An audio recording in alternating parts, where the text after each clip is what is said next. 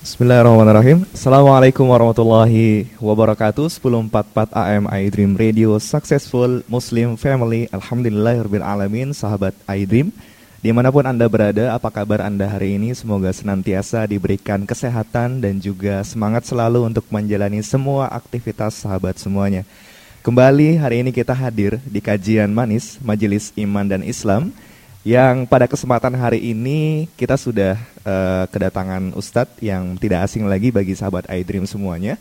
Namun sebelumnya sahabat iDream, uh, kami mengingatkan buat sahabat iDream semuanya yang ingin bergabung bersama kami di mendengarkan siaran ini dapat juga melalui streaming di www.idreamradio.id atau Anda semuanya dapat juga download uh, aplikasi iDream Radio di Play Store dan juga sahabat iDream semuanya, jangan lupa untuk senantiasa follow berbagai macam akun-akun media sosial kita. Mulai dari Instagram ada at iDream Radio, kemudian juga ada Facebook iDream Radio 1044 AM, kemudian Twitter iDream Radio 1044. Dan kami juga mengundang bagi sahabat iDream semuanya untuk uh, bergabung memberikan pertanyaan nantinya melalui WhatsApp di 082297 891044. Baik sahabat Aiden semuanya, uh, saya Rangga hari ini akan menemani kajian kita pada hari ini dan di samping saya sudah hadir beliau adalah pengisi kita pada hari ini Ustadz Abdullah Haidir LC. Beliau merupakan uh, wakil dari Ikatan Dai IKADI Depok, kemudian juga pembina situs manhajuna.com. Baik kita sapa dulu Ustadz Abdullah Haidir. Assalamualaikum warahmatullahi wabarakatuh Ustadz. Waalaikumsalam warahmatullahi wabarakatuh. Ya, uh, bagaimana? Ini sebenarnya ini sahabat Haidir ini perdana Ustadz Abdullah Haidir untuk mengisi di di Aidin Radio. Bagaimana kabar hari ini Ustadz? Baik, alhamdulillah. Alhamdulillah. Baik. Uh, kurang lebih beberapa uh, waktu ke depan hari ini kita akan bahas mengenai apa Ustadz? Insya Allah kita akan mulai membahas kitab Riyadus Salihin. Riyadus Salihin Ustaz ya. Baik, mungkin uh, untuk awal ini Ustadz bisa menjelaskan tentang sedikit tentang kitab Riyadus Salihin dan tema apa yang akan kita bahas pada hari ini. Tafadhal kepada Ustadz Abdullah Haidir. Bismillahirrahmanirrahim. Alhamdulillahirabbil alamin. Wassalatu wassalamu ala nabiyyina Muhammadin wa ala alihi wa ashabihi wa man tabi'ahum bi ihsanin ila yaumiddin amma ba'd yang saya cintai, saya hormati eh, para pendengar radio iDream yang dimuliakan Allah Subhanahu wa taala. Terima kasih kepada bawa acara yang menyediakan waktu pada saya untuk uh, menyampaikan apa yang ingin disampaikan. Insya Allah kita akan uh, membahas uh, sejak ini yaitu kitab yang sudah sangat dikenal, kitab Riyadhus Shalihin ya atau lengkapnya Riyadus Solihin min kalami Sayyidil Mursalin. Ya, kalau diartikan Riyadus Solihin adalah taman. Riyad ta, jama dari raudhah. Artinya taman, taman-taman orang soleh. Yang maksudnya di sini adalah sebuah kitab yang menghimpun hadis-hadis Rasulullah Sallallahu Alaihi Wasallam yang disusun oleh seorang ulama besar ya, dari kalangan madhab Syafi'i yang bernama Yahya bin Syarafuddin An-Nawawi atau lebih dikenal dengan Al-Imam An-Nawawi. Ya, kitab Riyadhus Shalihin ini memang meskipun kitab hadis tapi dia lebih spesifik menghimpun hadis-hadis yang berkaitan dengan adab, akhlak dan juga seputar ya pembersihan hati atau kebersihan hati atau dikenal dengan tazkiyatun nafs. Ya, dan ini memang kitab yang boleh dikatakan sangat ya dikenal bahkan sampai seorang mengatakan bahwa kitab ini adalah kitab yang paling banyak dicetak setelah Al-Qur'an. Ya, saking dikenalnya. Nyaris ya atau bahkan boleh kita katakan di seluruh negeri muslim ya insya Allah akan didapati kajian-kajian terkait dengan uh, kitab Riyadhus Shalihin ya. Saya sempat tinggal di uh, Arab Saudi di sana pun juga uh, banyak sekali pengajian-pengajian yang secara khusus membahas kitab Riyadhus Shalihin. Di Indonesia jangan ditanya. Pesantren-pesantren umumnya membahas kitab ini, majlis-majlis ilmu di masjid-masjid, di berbagai macam tempat juga membahas kitab ini. Maka memang Ya ini subhanallah ya ke, ke kemuliaan dan barokah dari seorang ulama besar ya yang uh, disebutkan uh, salah satu faktor utama sehingga kitab ini sangat diterima di tengah umat Islam adalah keikhlasan ya, sang penulisnya Al Imam An Nawawi ya, ketulusannya dalam uh, menulis kitab ini yang tak lain tentu saja adalah ingin mendapatkan ridho Allah dan memberikan manfaat yang sebesar-besarnya kepada kaum kepada kaum muslimin. Ya.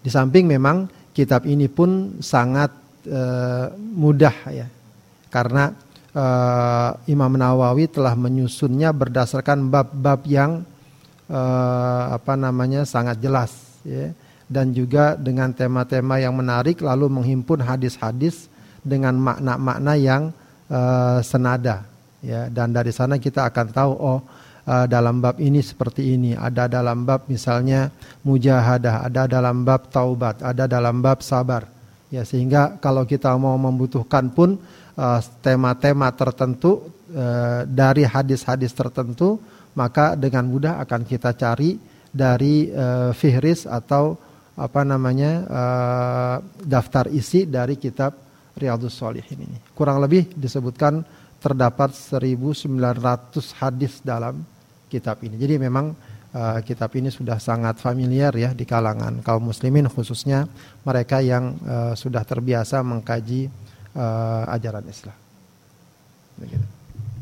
Baik, uh, sahabat Edring itu tadi uh, pengantar sedikit dari Baik sahabat iDream, itu tadi pengantar sedikit dari Ustadz Abdullah Haidir mengenai pengenalan kitab Riyadus Solihin, subhanallah, sangat luar biasa sekali. Ini kitab yang sudah sangat familiar, ditulis oleh oleh seorang ulama yang sangat luar biasa dengan uh, keikhlasan dan juga uh, banyak bahasan-bahasan tadi yang sangat tentunya berguna bagi kita semua untuk menjadi penuntun tentang adab, akhlak ataupun tentang pembersihan hati. Selanjutnya, uh, Ustadz uh, setelah kita Baik, selanjutnya Ustadz setelah kita mengetahui tentang uh, sedikit tentang Riyadus Solihin tadi kitabnya, untuk bahasan pertama kali ini kita akan membahas apa Ustadz? ya, uh, bahasan pertama atau bab pertama dalam kitab Riyadus Solihin adalah bab tentang al-ikhlas atau lebih jelasnya atau lebih lengkapnya namanya disebut oleh seorang oleh uh, pengarang kitab ini Al Imam An Nawawi Babul Ikhlasi wa ihdarin niyah fi jami'il a'mal wal aqwalil barizah wal khafiyah. Bab tentang ikhlas dan menghadirkan niat dalam seluruh amal dan ucapan yang tampak atau yang tersembunyi. Ya. Ya uh, dan ini memang merupakan juga keutamaan ya dan kedudukan niat itu tersendiri ya, khususnya juga memang hadis yang uh, akan kita baca insya Allah. Baik, itu tadi sahabat iDream uh, hari ini yang akan mendalam kita kaji adalah mengenai bab ikhlas ya. ya. Spesifik adalah bagaimana kita selalu menghadirkan niat terbaik kita dalam setiap aktivitas kita. Kepada Ustadz dipersilakan. Baik para pendengar iDream Radio yang dimuliakan Allah, uh, langsung saja kita baca hadis pertama dari kitab Riyadhus Shalihin yaitu dari babul ikhlas. Bismillahirrahmanirrahim. Wa an Amiril Mu'minin Abi Hafsin Umar bin Al-Khattab radhiyallahu anhu qala sami'tu Rasulullah sallallahu alaihi wasallam yaqul innamal a'malu binniyat wa innama likulli imri'in ma nawa faman kanat hijratuhu ila Allah wa rasulih fa hijratuhu ila Allah wa rasulih wa man kanat hijratuhu lidunya yusibuha aw imra'atin yankihuha fa hijratuhu ila ma hajara ilaih muttafaqun alaih dari Amirul Mukminin Abi Hafs Umar bin Khattab radhiyallahu an dia berkata Sami'tu Rasulullah sallallahu alaihi wasallam yaqul Aku mendengar Rasulullah sallallahu alaihi wasallam bersabda innamal a'malu bin niat. Ya. Sungguh amal itu harus menyertakan niat. Ya, ini pun juga sebenarnya uh, maknanya ada dua ya. Yang satu mengartikan maknanya adalah sebagai berita bahwa yang namanya setiap amal kalau dilakukan dengan sadar maka mesti dia akan diiringi oleh niat. Ya. Itu berita, artinya tidak ada uh, konsekuensi hukum. Ya. Konsekuensi hukumnya adalah hadis atau kalimat berikutnya. Wa innama likul limriin manawa. Nah, nanti bagaimana seseorang akan mendapatkan balasan dari setiap amalnya, ya tergantung niatnya.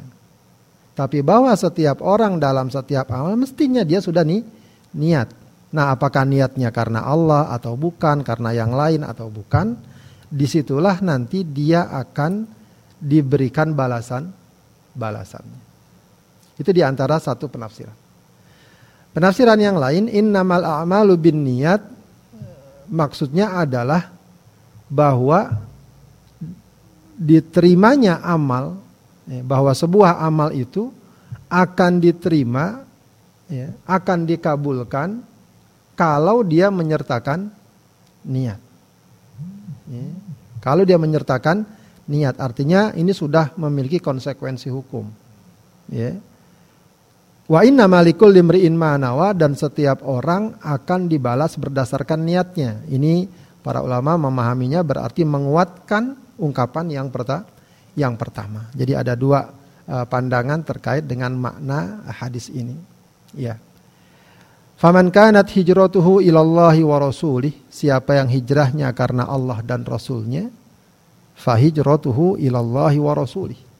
Maka hijrahnya nilainya sebagaimana yang dia harapkan dari Allah dan Rasulnya. Ya, artinya dia akan mendapatkan pahala, dia akan mendapatkan kebaikan, dia akan mendapatkan balasan sebagaimana yang Allah janjikan bagi mereka yang yang hijrah. Ya. Wa man kanat hijratuhu lidunya yusibuha, siapa yang hijrahnya untuk mendapatkan dunia yang ingin dia dapatkan, awi mra'atin yankihuha atau karena ingin menikahi seorang wanita, fahijratuhu ila ma hajaro ilaih. Maka hijrahnya ya, nilainya sebagaimana tujuan dia berhijrah. Ya, artinya kalau bukan yang dicari adalah ridho Allah, kebaikan dari Allah, tapi hanya kesenangan dan kebahagiaan dunia, ya itu yang akan dia dapatkan. Tapi eh, pahala, kebaikan, ridho dari Allah dia tidak dapat dia tidak dapatkan. Muttafaqun alaih. Hadis ini riwayat Bukhari dan Muslim. Ya, hadis ini memang hadis yang cukup uh, dikenal, sangat populer dan memang para ulama bahkan menganjurkan untuk sering-sering dibaca. Ya. Kemudian juga bahkan para ulama juga menganjurkan agar siapa yang menulis kitab hendaknya mencantumkan hadis ini sebagai hadis pertama. Ya, bahkan Imam Nawawi dalam dua kitabnya yang terkenal, kitab Riyadhus Shalihin satu lagi kitab yang juga mungkin sering kita baca yaitu kitab apa Al-Arba'in An-Nawawiyah mencantumkan hadis ini sebagai hadis yang pertama. Bahkan Al-Imam Al-Bukhari dalam sahihnya mencantumkan hadis ini juga sebagai hadis yang pertama. Padahal bab pertama dalam Sahih Bukhari apa? Babu badil wahyi. Bab bagaimana wahyu turun. Ya. Disebutkan di sana bagaimana wahyu diturunkan pada Rasulullah, dengan apakah malaikat Jibril datang atau juga dengan suara uh, lonceng atau mimpi. Ya, akan tapi hadis yang pertama dicantumkan itu tidak berkaitan pembahasannya dengan masalah tersebut. Ya, yaitu hadis tentang niat ini. Ya, maka dikatakan oleh para ulama, Al-Imam Al-Bukhari mencantumkan hadis ini dalam uh, hadis pertama padahal babnya tidak berbicara berkaitan dengan bab ini untuk menunjukkan bahwa pentingnya hadis ini eh, menjadi eh, pengingat dasar bagi kita dalam setiap dalam setiap amal kita. Ya, dalam setiap amal kita. Uh, para pendengar iDream yang dimuliakan Allah Subhanahu wa taala, ya, tentu saja hadis ini mengingatkan kita untuk merapihkan orientasi kita dalam beramal. Ya, seorang ulama Imam Ahmad bin Hambal mengatakan bahwa hadis ini mencakup sepertiga ilmu, sepertiga agama. Ya, sebab kata dia agama itu adalah bagaimana hati kita, bagaimana ucapan kita, bagaimana perbuatan kita. Nah, masalah niat adalah masalah hati. Makanya dikatakan bahwa hadis ini mencakup sepertiga agama. Al-Imam Syafi'i mengatakan bahwa hadis ini mencakup 70 pembahasan dalam bab dalam bab fikih. Memang nanti akan kita bahas itu akan kita dapatkan kalau kita mengkaji fikih khususnya bab niat biasanya yang akan selalu dikutip dan dijadikan sebagai landasan adalah hadis adalah hadis ini di mana niat harus selalu kita sertakan dalam setiap amal amal kita. Innamal a'malu bin bin niat. Ya. E, para ulama menyebutkan terkait dengan niat dalam hadis ini ada juga dua pemahaman. Yang pertama yang sifatnya khusus ya, yaitu yang dikenal dengan bab fikih ya. Artinya e, pentingnya dalam ibadah memperjelas niat kita ya, untuk membedakan antara satu ibadah dengan ibadah yang lain. Ya, misalnya kalau kita sholat, sholat dua rakaat, ya, itu mungkin saja misalnya sholatnya sholat duha atau sholat subuh atau sholat qobliyah subuh misalkan sama-sama dua rakaat. Nah itu bagaimana dibedakannya? Dengan apa? Dengan niat. Puasa misalnya, kita sekarang puasa, ada yang puasanya kodok, ada yang puasanya sunnah, ada yang puasanya nazar, sama puasanya. Caranya sama. Tapi dibedakannya dengan dengan niat. Ya. Atau juga penting niat dalam bab fikih ini adalah membedakan antara ibadah dengan adat. Ibadah dengan kebiasaan sehari-hari. Ya, maka e, sebuah e, perbuatan yang dianggap kebiasaan sehari-hari bisa menjadi ibadah kalau kita niatkan dengan benar karena Allah. Ya, ada orang hari Jumat mandi, biasanya memang mandi dia setiap hari. Tapi dia niatkan, oh ini hari Jumat, saya niatkan untuk mandi sunnah. Maka dia akan menjadi ibadah. Ya, maka semua juga sebenarnya bisa. E, kita kerja, kita kuliah, kita niatkan ya, itu akan menjadi ibadah. Sebaliknya, ya, sesuatu yang tampak ibadah, kalau kita niatkan bukan karena Allah, bisa jadi bukan tidak menjadi ibadah, tidak bernilai ibadah. Itulah strategis dan sangat vitalnya niat dalam amal dalam amal kita. Itu dalam konteks apa ya fikih tadi ya. Uh, di sisi lain, uh, makna, makna niat sebagaimana disebutkan dalam hadis ini juga adalah terkait dengan orientasi amal kita. Ya, orientasi amal kita. Kalau tadi niat untuk membedakan antara satu ibadah dengan ibadah yang lain itu pendekatannya fikih.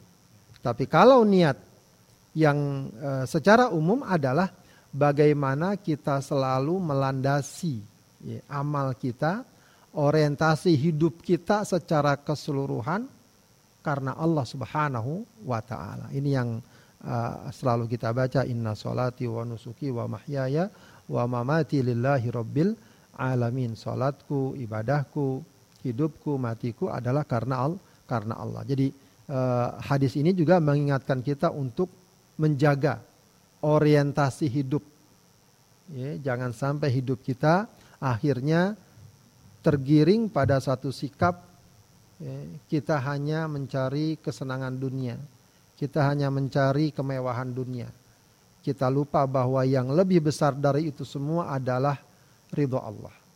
Ya, yang lebih besar dari itu semua adalah rahmat dan ampunan Allah.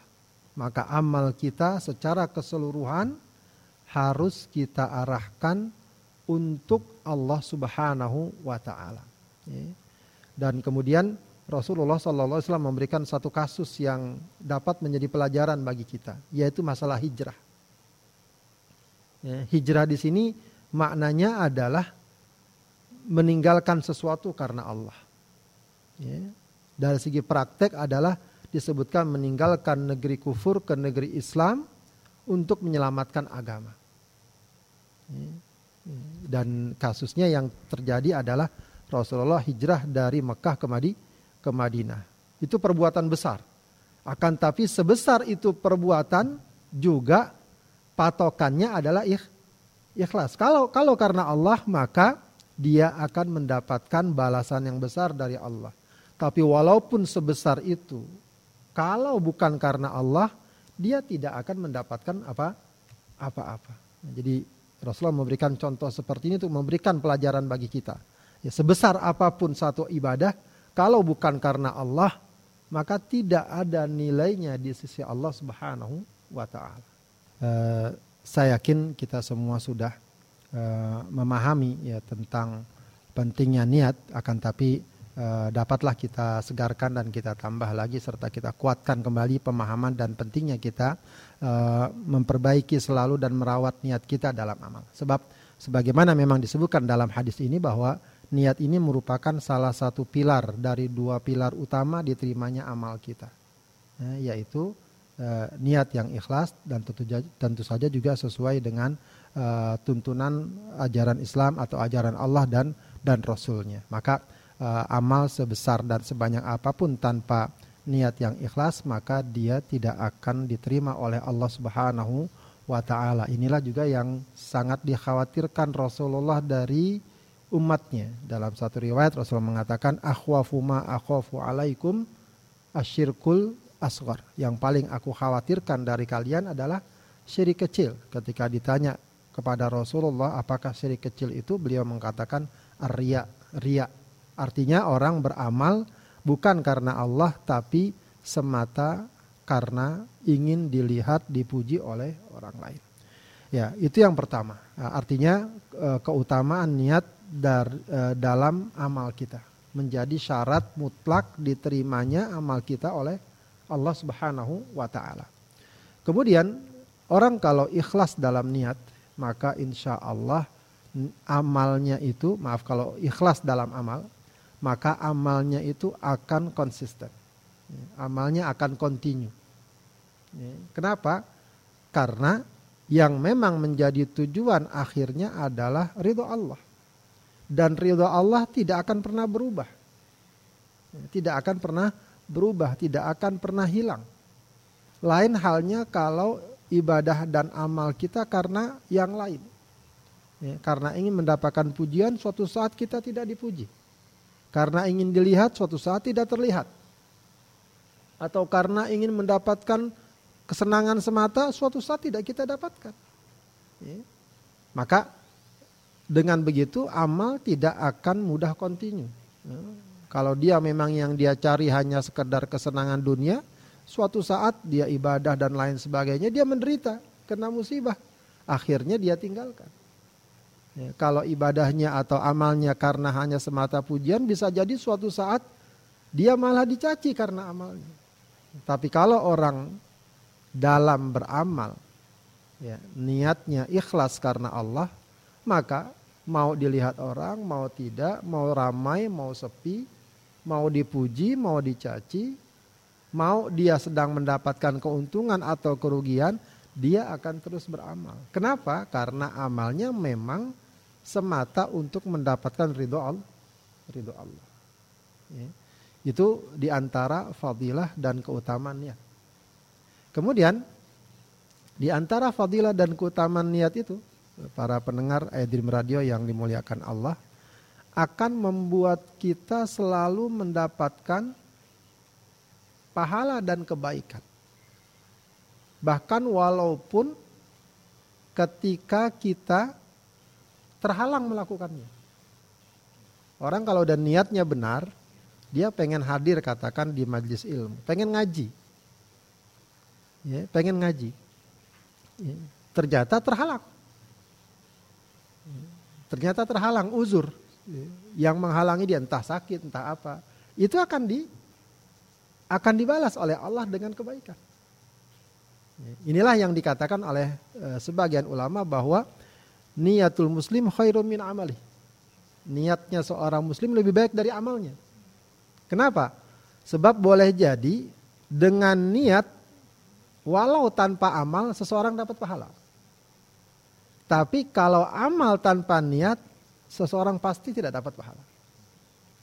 Ada orang ngaji ya, yang satu datang ke pengajian dia udah beramal kan, tapi niatnya bukan karena Allah. Ya entah karena pengen ini, pengen dipuji dan lain sebagainya. Dapat pahala nggak? Nggak dapat. Tapi ada orang nggak ngaji, sebenarnya dia pengen sekali ngaji. Cuma karena dia terha terhalang uzur. Dapat pahala nggak dia? Dapat pahala. Itu fadilahnya. Makanya seorang ulama ingatkan pada kita ta'allamun niyah. Fa innahu ablagu minal amal. Belajarlah kalian tentang niat karena niat itu lebih kuat dari amal. Ya, lebih mantap dari amal. Dan ini juga Rasulullah nyatakan dalam satu hadisnya, eh, man hamma bil hasanati falam ya'malha katabahallahu indahu hasanatan kamilah. Siapa yang sudah ingin melakukan satu kebaikan namun dia tidak melakukannya, Allah akan catat baginya kebaikan yang sempur yang sempurna. Suatu saat Rasulullah pernah dalam satu peperangan yang cukup berat, ya, kalau tidak salah perang Tabuk, perang yang jauh, perang yang berat, melewati padang pasir, mengarungi lembah dan lain sebagainya.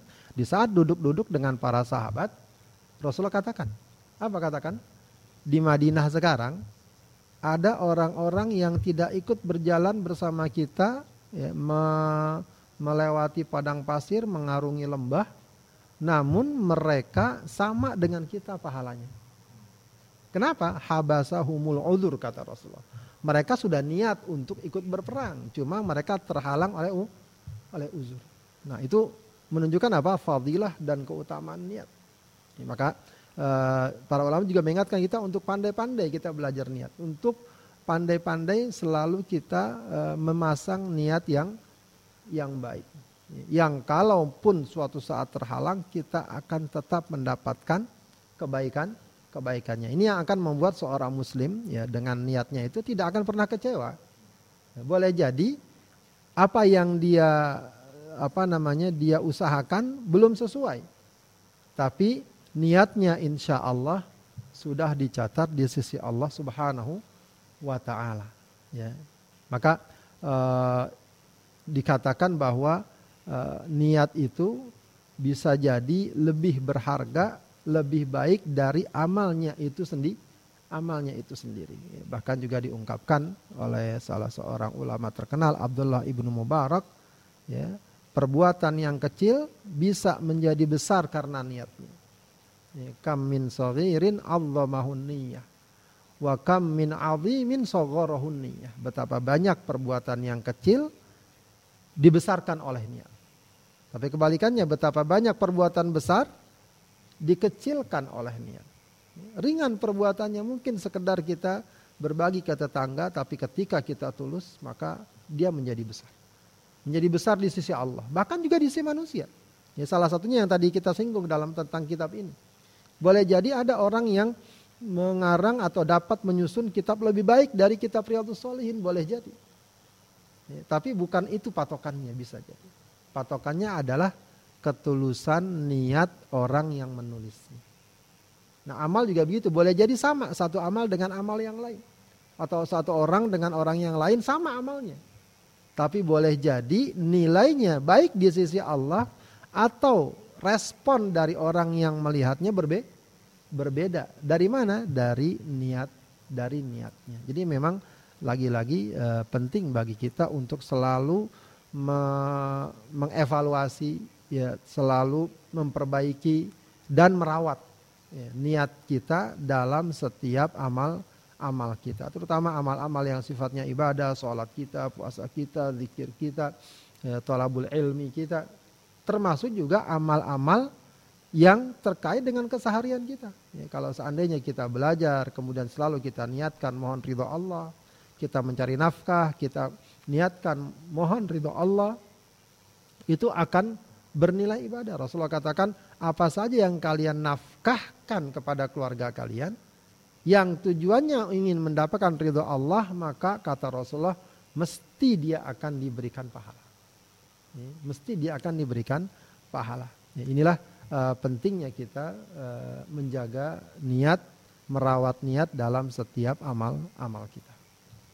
Jadi sahabat Edinus semuanya, uh, segala aktivitas kita segala rutinitas kita yang sahabat Eden semua kerjakan Insya Allah ya e, kalau kita sudah meniatkan karena Allah Subhanahu Wa Taala niat terbaik kita maka dan tujuan kita mendapat ridha Allah Subhanahu wa taala maka insya Allah apa pun hasilnya kemudian bagaimanapun perjuangannya para saudara-saudara kita yang mungkin sedang bekerja pagi-pagi kalau Jabodetabek harus desak-desakan untuk uh, berangkat ke kerja lewat uh, melalui uh, menggunakan KRL komuter lain kemudian juga para mahasiswa yang sudah dari pagi berangkat ke ke, kuliah itu insya Allah kalau niatnya baik karena Allah Subhanahu Wa Taala maka akan uh, mendapatkan selalu spirit semangat dan juga apa pun kondisinya akan tetap bisa bertahan untuk menjalani aktivitas tersebut seperti itu. Nah, sahabat Edrim semuanya, di sesi kali ini juga uh, Ustadz, insya Allah kita akan jawab beberapa pertanyaan dari sahabat Edrim yang sudah masuk melalui WhatsApp. Uh, yang pertama, ini ada pertanyaan mengenai uh, ada fenomena di masyarakat kita, di sahabat-sahabat kita, kita semuanya mungkin tidak apa-apa lah saya ini belum berhijab segala macam. Yang penting niat saya baik. Itu ada ada semacam kayak pemahaman seperti itu. Ini tanggapan Ustadz seperti apa? ya, uh, memang segala sesuatu kalau dilihat sepihak uh, boleh jadi akan memberikan kesimpulan sepihak dan tidak tepat. Ya, tentu saja ketika kita bahas tentang niat ini tak lain adalah untuk memperjelas tentang betapa pentingnya kedudukan niat. Hmm. Akan tetapi tentu saja kita juga harus sandingkan dengan pemahaman-pemahaman lain agar utuh. Ya, bahkan kalau kita perhatikan dalam hadis ini pun uh, Rasulullah berbicara tentang niat terkait dengan amal. Hmm. Maka sebenarnya dalam hadis ini pun juga satu ada ada pesan yang sangat kuat bahwa antara niat dan amal itu adalah dua perkara yang tidak boleh berdiri sendiri ya, atau tidak boleh terpisah. Ya, artinya niat tanpa amal ya, sebagaimana amal tanpa niat. Gitu. Orang niat saja tapi tanpa amal nggak benar. Ya, tapi amal tanpa niat juga tidak tidak benar. Jadi maksudnya berbicara tentang niat dalam uh, bab ini bukan berarti kita menafikan amal. Nah amal ini apa patokannya? Patokannya tentu saja sesuai dengan tuntunan Allah dan Rasulnya.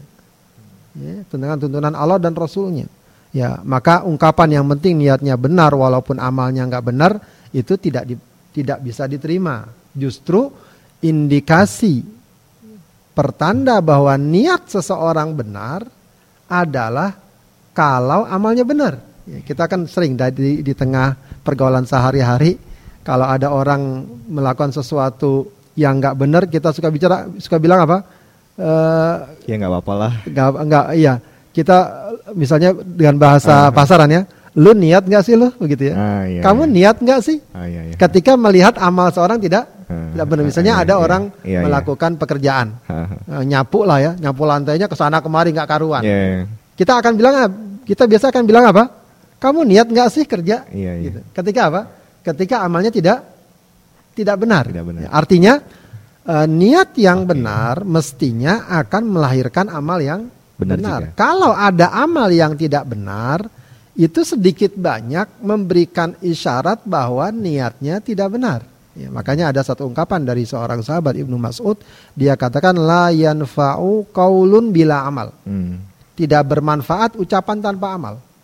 Wala yanfa'u qaulun wa amalun bila niyah. Tidak bermanfaat ucapan dan perbuatan tanpa niat. Wala yanfa'u qaulun wa amalun wa niyatun illa bima wafaqa bihi sunnah dan tidaklah bermanfaat ucapan, amalan, niat kecuali kalau sesuai dengan sunnah Rasulullah Shallallahu Alaihi Wasallam. Jadi kita tekankan di sini kita berbicara niat bukan berarti kita tidak peduli amal. Justru kita berbicara niat agar amal kita lebih berkualitas dan diterima oleh Allah. Kesimpulannya amal harus dilakukan. Jangan mengandalkan niat lalu meninggalkan amal. Begitu. Baik sahabat Edrim, uh, jadi niat yang baik harusnya melahirkan amal yang baik juga nah, ya seperti saat ya. demikian. Amal yang tentu sesuai dengan sunnah. Baik, kita akan lanjut ke pertanyaan yang kedua, insya Allah dari dari sahabat iDream. Ini fenomena yang juga uh, rasanya uh, apa namanya terjadi di masyarakat. Kadang ada orang yang resisten ya, resisten atau justru dia menjadi tidak mau mengikuti kebaikan, padahal itu kebaikan sebenarnya. Ketika misalnya dia melihat ada seseorang yang beramal itu ditunjuk-tunjukkan. Yang sekarang mungkin lagi tren adalah bagaimana kita bisa melihat uh, para kori-kori yang mungkin di syuting, di videokan kemudian diupload di YouTube dan sebagainya. Kemudian ada orang yang berkomentar, "Ah, ngapain sih amal kok dilihat-liatin gitu." Nah, sebenarnya saat ya, apakah kita ini sebagai manusia bisa menilai seorang itu ikhlas atau tidak dan bagaimana kita sebagai uh, orang umum ini menyikapi uh, orang-orang yang mensyiarkan gitu, mensyiarkan uh, kebaikannya seperti itu. Baik, uh, yang harus dipahami adalah bahwa niat memang masalah hati, masalah hati. Jadi yang namanya niat itu bukanlah sesuatu yang tampak. Ya, jadi orang bilang ikhlas dalam ucapan pun belum tentu ikhlas dalam hati. Ya, artinya yang paling penting memang ketika kita berbicara niat atau keikhlasan, kita kembali kepada diri kita sebagai bahan evaluasi dan introspeksi. Adapun kita melihat orang lain, ya, maka memang tidak mesti dengan mudah atau seharusnya tidak dengan mudah kita mengatakan orang itu enggak ikhlas dan lain sebagainya. Lagi-lagi kenapa? Karena itu memang masalah hati perkara ada perbuatan dan sikapnya yang tampak atau mungkin diperlihatkan atau mungkin diupload atau seperti sekarang yang sering tampak begitu ya tidak selalu identik bahwa dia tidak ikh, tidak ikhlas. Tapi bahwa kita selalu berusaha muhasabah introspeksi mengingatkan untuk satu sama lain ikhlas itu penting. Makanya hadis-hadis seperti ini diingat diingatkan ya, diingatkan Sebab boleh jadi ada orang ingin memperlihatkan sesuatu agar orang lain mungkin mengikutinya. Ya. Bersodakoh ya tentu bagus kalau dia sembunyikan, tapi tidak dilarang kalau di apa diperlihatkan. Tidak apalagi sebagian ibadah memang mau tidak mau harus kelihatan. Ya, orang sholat berjamaah, nggak bisa orang sholat berjamaah sambil ngumpet-ngumpet. Ya, dia harus jalan keluar kelihatan, pergi haji begitu dan lain sebagainya yeah. kelihatan. Dan tidak mengapa kalau memang katakan uh, dia ingin apa namanya agar orang lain ikut, agar orang lain meniru dan lain sebagainya tidak masalah. Yang penting memang yang penting dan harus selalu kita ingatkan ya uh, keikhlasan dalam diri kita. Ya. Itu perkara satu perkara. Perkara lain juga jangan sampai kekhawatiran kita tentang ria misalnya atau tidak ikhlas menghalangi kita beramal. Ya, menghalangi kita untuk beramal. Sudahlah nggak beramal, kemudian nuduh orang tidak ikhlas, kita nggak beramal, udah lebih lengkap, begitu ya. Makanya ada Fudel bin Iyab mengatakan uh, apa namanya uh, tarkul amal li ajlin nasriya malah hmm. meninggalkan amal karena orang itu ria. Hmm. Wal amalu li ajlin nasyirkun beramal karena manusia syirik. Yang benar gimana? Wal amalu wal ikhlas al amalu lillahi wahdah. Adapun yang namanya ikhlas adalah beramal ya semata karena Allah, Allah. semata karena Allah. Jadi ini memang kalau dari segi evaluasi muhasabah penting kita untuk selalu muhasabah. Ya, kalau kita lihat ada bibit-bibit ya apa namanya kesombongan, oh banyak orang muji segala macam kita merasa sombong, nah segera istighfar, hmm. segera taubat, ya, perbaiki diri kita. Hmm. Ya, tapi tidak perlu kita mengatakan oh si fulan berarti nggak nggak benar itu. Hmm. Ya, hmm. Tidak, hmm. kita nggak perlu menilai ikhlas seseorang yeah. sebab itu masalah hati. Yeah. Masalah hati. Sulit untuk dinilai begitu sah. Begitu saja. Dari apa yang kita bicarakan sejak awal dalam pertemuan kali ini, tentu saja yang paling tampak uh, yang dapat kita simpulkan dari pelajaran ini adalah uh, tentang betapa pentingnya kita menghadirkan niat karena Allah Subhanahu wa taala dalam setiap amal kita. Ya, dan itu bukan hanya pada saat e, di awal tapi juga seterusnya, di awal, di pertengahan amal dan di akhir amal kita dan terus kita ja, dan terus kita jaga, ya. Itu yang pertama. Yang kedua, kesimpulan juga yang e, harus kita hadirkan dalam kajian ini adalah bahwa uh, membicarakan atau uh, apa namanya besarnya kedudukan niat ini bukan berarti kemudian kita meremehkan amal. Ya, justru kita merawat atau uh, memprioritaskan niat kita tak lain adalah agar amal kita lebih baik dan lebih berkualitas. Ya, maksudnya adalah teruslah beramal, perbanyaklah amal kita, perbaguslah amal kita, tapi niat kita harus kita jaga, kita uh, pelihara dengan baik. Ya. Jadi jangan sampai ada semacam dikotomi. Ya, ada orang yang mengatakan yang penting niatnya ikhlas, lalu dia tidak peduli dengan amal. Ya. Ah, tapi ada juga memang yang kebalikannya, dia beramal, beramal, beramal, uh, akan tapi dia melupakan melupakan niat. Ya, ini jelas tidaklah benar, begitu ya. Kemudian kesimpulan yang ketiga adalah bahwa uh, amal, uh, maaf niat dalam amal ini bukan cuma masalah agar uh, amal kita diterima oleh Allah Subhanahu wa taala itu jelas, tapi niat dalam amal ini juga adalah bagaimana agar amal kita betul-betul terjaga secara konsisten, kontinu ya. Kenapa? Karena orang yang niatnya benar dalam beramal, maka dia tidak akan mudah dipengaruhi oleh berbagai macam situasi dan kondisi, apakah semi, sepi atau rame, apakah dihujat atau dipuji, apakah untung atau rugi, dia akan terus beramal. Dan dengan sendirinya hal ini sebenarnya juga sangat berpengaruh bagi kesehatan jiwa. Ya. Orang yang uh, selalu merasa ringan, merasa tenang, ya, uh, maka jiwanya akan sehat dan hal itu hanya dapat dia raih kalau niatnya semata karena Allah. Ya, jadi dia tidak mudah istilahnya apa putus asa. Galau. Ya. Galau, ya, hanya karena ada yang ngomongin, ada yang membenci, ada yang menghujat, dia tidak terlalu memberatkan dirinya karena memang yang dicari bukan itu. Yang dicari adalah ridho ridho Allah Subhanahu wa taala. Maka orang yang niatnya ikhlas itu juga biasanya hatinya lebih lapang. Ya, lebih lapang. Tidak terlalu bukan dia orangnya antisosial tidak, tapi tidak terlalu peduli kalau memang akhirnya karena amalnya ada orang-orang yang mencibirnya. Ya, orang yang mencibirnya. Maka di sisi lain pun orang yang ikhlas niatnya ikhlas, yang yang amalnya karena Allah yang niatnya ikhlas dalam beramal itu biasanya juga orang yang secara kepribadian lebih ajak, hmm. enggak lebih kokoh. Hmm. Jadi nggak mudah terbawa. Oh ada orang ke sana kita ke sana, ada orang ke sini kita ke sini. Hmm. Nggak mudah terombang am, ambing. terombang ambing. Dia sudah jelas tujuannya, sudah jelas targetnya, maka biasanya kepribadiannya pun akan lebih lebih kokoh. Gitu. Itu beberapa uh, kesimpulan yang dapat kita ambil dari uh, ikhlas ya, dalam niat kita uh, pada setiap amal pada setiap amal kita. Baik. Baik.